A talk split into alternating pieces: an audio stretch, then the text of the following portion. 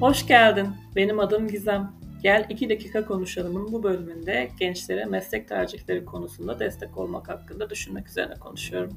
Hazırsan başlayalım. Lise sonda meslek tercihleri için rehber öğretmenle bir bilgilendirme görüşmem vardı.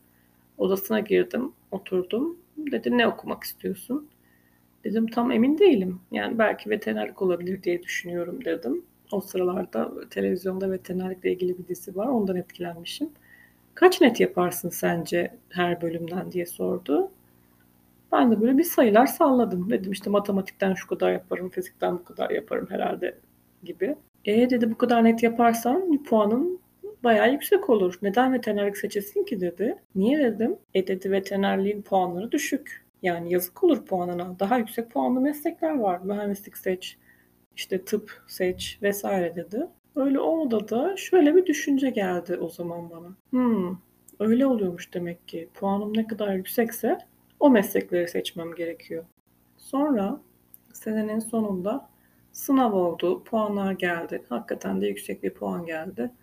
Sonra ne dedim mühendislik yazacağım. Bu sefer de dediler tıp yaz. Puanını yazık etmiş olursun. Tıpta girebiliyorken neden mühendislik yazasın? Sonra ben orada bir direttim. Yok dedim tıp yazmayacağım. Ve mühendislik yazdım, mühendislik okudum. Şimdi bakıyorum aradan geçmiş 16 sene ve ne yazık ki hiçbir şey değişmemiş ve her şeyde daha da böyle kötüye gidiyor gibi hissettiğim için böyle bir bölüm kaydetmek istedim bu hafta. Geçtiğimiz haftalarda üniversite sınav sonuçları açıklandı ve tercih dönemleri vardı. Yakın arkadaşlarımın da kardeşlerinden biraz süreci takip ettim ve hala toplumda aynı söylemler devam ediyor.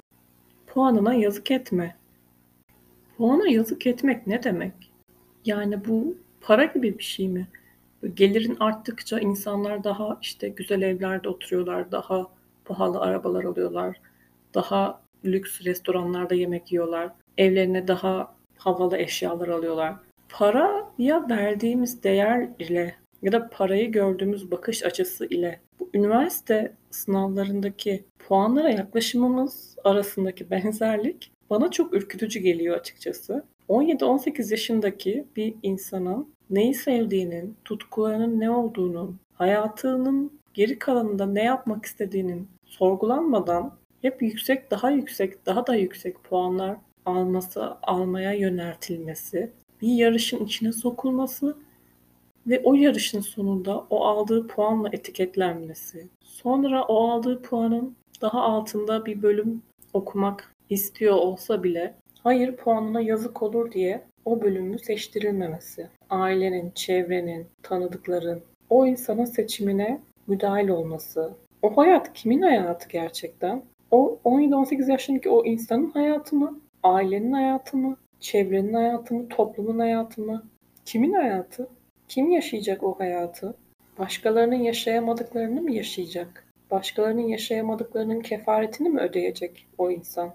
Çocuklar toplumun kefaret ödeme araçları mı?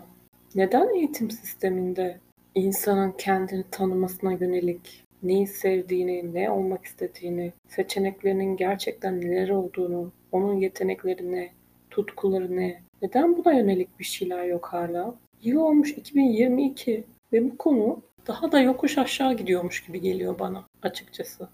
Berrak Yurdakul'un bir canlı yayınına denk geldim. Çocukları çiçeklere benzetiyor. Nasıl ki bir çiçeğin bakımını yaparız, ona su veririz, işte toprağını değiştiririz, büyümesi, gelişmesi için destek oluruz. Ama gidip de o çiçeğe sarı değil de bugün kırmızı aç, bundan sonra yapraklarını şöyle şu tarafa doğru doğru vesaire gibi o çiçeğin yolunu değiştiremezsiniz. Sadece ona destek olur, bakım verir, yardımcı olursunuz diyor. Bence toplumda da yine bu kişisel sınırların ihlali söz konusu oluyor diye düşünüyorum. Ebeveynlerin, çevrenin, toplumun artık kimse o kişinin o tercih döneminde onun etrafındaki etkileyici olan insanlar kendi korkularını, kendi hayal kırıklıklarını o insan üzerinden telafi etmek için harekete geçebiliyorlarmış gibi geliyor. Bir çocuğu yönlendirmek, ona seçeneklerini sunmak, ona destek olmak, onun kendini keşfetmesine yardımcı olmak başka bir şeyken seçimlerini onun adına yapıyor olmak bambaşka bir şey. Umuyorum ki önümüzdeki yıllarda, gelecekte daha bu konuda farkındalıkların artmaya başladığı dönemlerde daha farkındalıklı ebeveynler, toplumlar oluştukça bu konuda da değişim görmeye başlayacağız diye düşünüyorum, umut ediyorum. Bu bölümün sonunda bir soru bırakmayacağım. Bu bölüm de böyle bir iç dökme bölümü gibi olsun. Haftaya yeni bir bölümde yeni bir konuyla tekrar görüşünceye dek. Hoşçakal.